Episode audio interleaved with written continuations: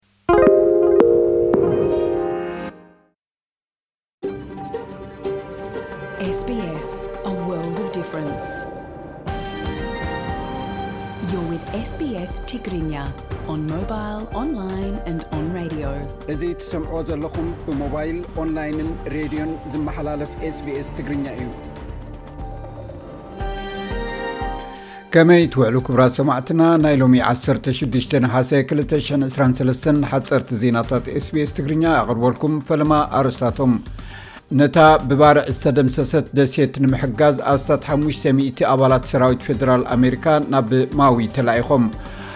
ኣብ ክልል ኣምሓራ ከተማ ፍኖተ ሰላም ብዝተፈፀመ ከቢድ መጥቃዕቲ 30 ሰባት ከም ዝሞቱን ልዕሊ 50 ሰባት ከም ዝቆሰሉን ተፈሊጡ ኣብ ክልል ትግራይ ኣብ 16 ወረዳታት ዕስለ ኣንበጣ በረኻ ኣብ ዘራእትን ሃብቲ ተፈጥሮን ጉድኣት ኣውሪዱ ጋንታ ማቲልዳስ ናይ ኣውስትራልያ ሎሚ ኣንጻር ኢንግላንድ ናይ ፍርቂ ፍጻሜ ፀወታ ክትገጥም እያ መንግስቲ ኣውስትራልያ ኣብ ልዕሊ ደቂ ኣንስትዮን ህፃናትን ዝፍፀም መጥቃዕቲ ደው ንምባል ክልተ ስጉምትታት ክውሰድ መደብ ከም ዘለዎ ኣፍሊጡ ሓንቲ ካብ ኣርባዕተ ኣንስቲ ዕድሜኤን ዓሰርተ ሓሙሽተ ዓመት ካብ እትኸውን ኣትሒዛ ብናይ ቀረባ ዘመድ ወይ መፃምዲ ዓመት ዘጋጥማ እያ ኣብ ኣበርጅናውያንን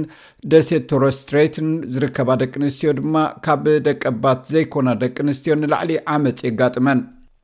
ሰራዊት ኣሜሪካ ኣብታ ብባርዕ ዝተደምሰሰት ደሴት ንዝነብሩ ነበርቲ ፌደራላዊ ሓገዝ ንምሃብ ኣብ ዝግበር ፃዕሪ ንምሕጋዝ ንኣስታት 500 ኣባላት ፌደራል ናብ ማዊ ልኢኹ ኣሎ ኣብ ኣሜሪካ ልዕሊ ሓደ ዘመን ዘይተኸስተ ኣብ ደሴት ሃዋይ ዝኸፍአ ናይ ባርዕ ዕንወት ወሪዱ ኣሎ ከም ሳዕቤን እውን እንተወሓደ ቴስዓን ትሽዓተን ሰባት ተቐቲሎም ብዙሓት ሰባት ድማ ሃለዋቶም ዘጥፍኡ ኮይኖም ሞይቶም ክኾኑ ከም ዝኽእሉ ይእመን። እዚ ከምዚ ኢሉ እንከሎ ኣብ ደቡባዊ ፈረንሳ ኣብ ጥቓ ዶብ ስጳኛ ዘጋጠመ ባርዕ ጫካ ኣብ ትሕቲ ቁጽጽር ንምእታው ዝግበር ጻዕሪ ይቕጽል ከም ዘሎ ሰብ መዚ እቲ ከባቢ ኣፍሊጦም። ብመሰረት ጸብጻብ ሮይተርስ እቲ ባርዕ ጫካ ሓሙሽተ ሚእቲ ሄክታር መሬትን መዘናግዒ ቦታታትን ዓንዩ ኣሎ። ብሰንኪ እቲ ባርዕ ሓዊ ጽርግያታት እቲ ከባቢ ከም ዝተዓጽወ እኳ እንተተገልጸ፣ ትማል ምሸት ልዕሊ ሰለስተ ሽሕ ሰባት ካብቲ ቦታ ናብ ካልእ ከባቢ ክውሰዱ ከም ተኽኣለ ተገሊጹ ኣሎ። ፕረዚደንት ኣሜሪካ ነበር ዶናልድ ትራምፕን 18 ደገፍቱን ኣብ ጆርጅያ ነቲ ኣብ 220 ኣብታ ግዝኣት ዝተገብረ ምርጫ ንምግልባጥ ብዝገበሮ ፈተነ ክሲ ቀሪብዎም እቲ ገበናዊ ጉዳይ ብሶኒ ምሸት ከም እተገልጸ እቲ ራብዓይ ክሲ ኣንጻር እቲ ኣብ ስልጣን ዝነበረ ፕረዚደንት ዝቐረበ ኮይኑ ኣብዚ ወርሒ ጥራይ ንካልኣይ ግዜ ዝቐረበ ነቲ ውፅኢት ምርጫ ክድምስስ ፈቲኑ ዝብል ክሲ እዩ ዝቐርበሉ ዘሎ። ኣብ ክልል ኣምሓራ ከተማ ፍኖተ ሰላም ብዝተፈፀመ ከቢድ መጥቃዕቲ ሰላሳ ሰባት ከም ዝሞቱን ልዕሊ ሓምሳ ሰባት ከም ዝቖሰሉን ሆስፒታል ፍኖተ ሰላም ኣፍሊጡ።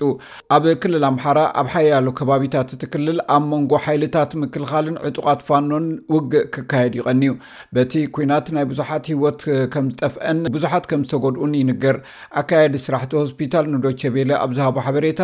ብሰንበት ኣብ ፍኖተ ሰላም ኣብ ሓደ ካብቶም ኣዝዮም ዝተሃስዩ ከባቢታት ኮይኑ ብዝተፈፀመ መጥቃዕቲ ከቢድ ኣፅዋር ዝቖሰሉ ሰባት ሕክምና ይግበረሎም ከምዘሎ ሓቢሩ።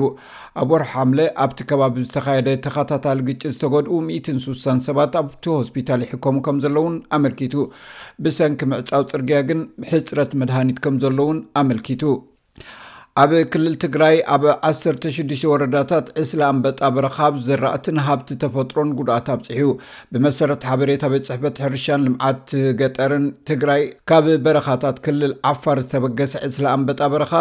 ኣብ ሰለስተ ወረዳታት ትግራይ ተዘርጊሑ ይርከብ። እቲ ዕስለ ኣብ ሰብዓን ትሽዓተን ናይ ገጠር ቀበሌታት እቲ ክልል ሰላሳን ሓሙሽተን ሽሕ ሄክታር መሬት ሸፊኑ ኣሎ። ዞባ ምብራቕ፣ ደቡብን ደቡብ ምብራቕን ትግራይ ዕስለ ኣንበጣ በረኻ ይረኣ ከምዘሎ ዳይሬክተር ቢሮ ሕርሻን ልምዓት ገጠርን ትግራይ ኣፍሊጡ ኣሎ።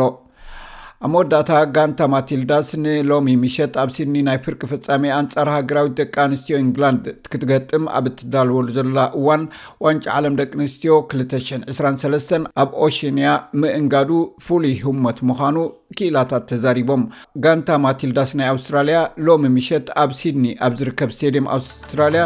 ኣንጻር እንግሊዝ ክትገጥም እያ ባር ሰማዕትና ናይ ሎሚ ዜና ቅድሚ ምዛምና ቀንዲ ነጥብታት ዜና ክደግመልኩም ነታ ብባርዕ ዝተደምሰሰት ደሴት ንምሕጋዝ ኣስታት ሓሙሽ0 ኣባላት ሰራዊት ፈደራል ኣሜሪካ ናብ ማዊ ተላኢኹም ኣብ ክልል ኣምሓራ ከተማ ፍኖተ ሰላም ዝተፈፀመ ከቢድ መጥቃዕቲ 30 ሰባት ከም ዝሞቱን ልዕሊ ሓ0 ሰባት ከም ዝቆሰሉን ተፈሊጡ ኣብ ክልል ትግራይ ኣብ 16 ወረዳታት እስለምበጣ በረኻ ኣብ ዘራእትን ሃብቲ ተፈጥሮን ጉድኣት ኣውሪዱ ጋንታ ማቲልዳስ ናይ ኣውስትራልያ ሎሚ ኣንፃር ሃገራዊት ጋንታ ኢንግላንድ ናይ ፍርቂ ፍፃሜ ፀወታ ዋንጫ ዓለም ኩዕሶ እግሪ ደቂ ኣንስትዮ 223 ክትገጥም እያ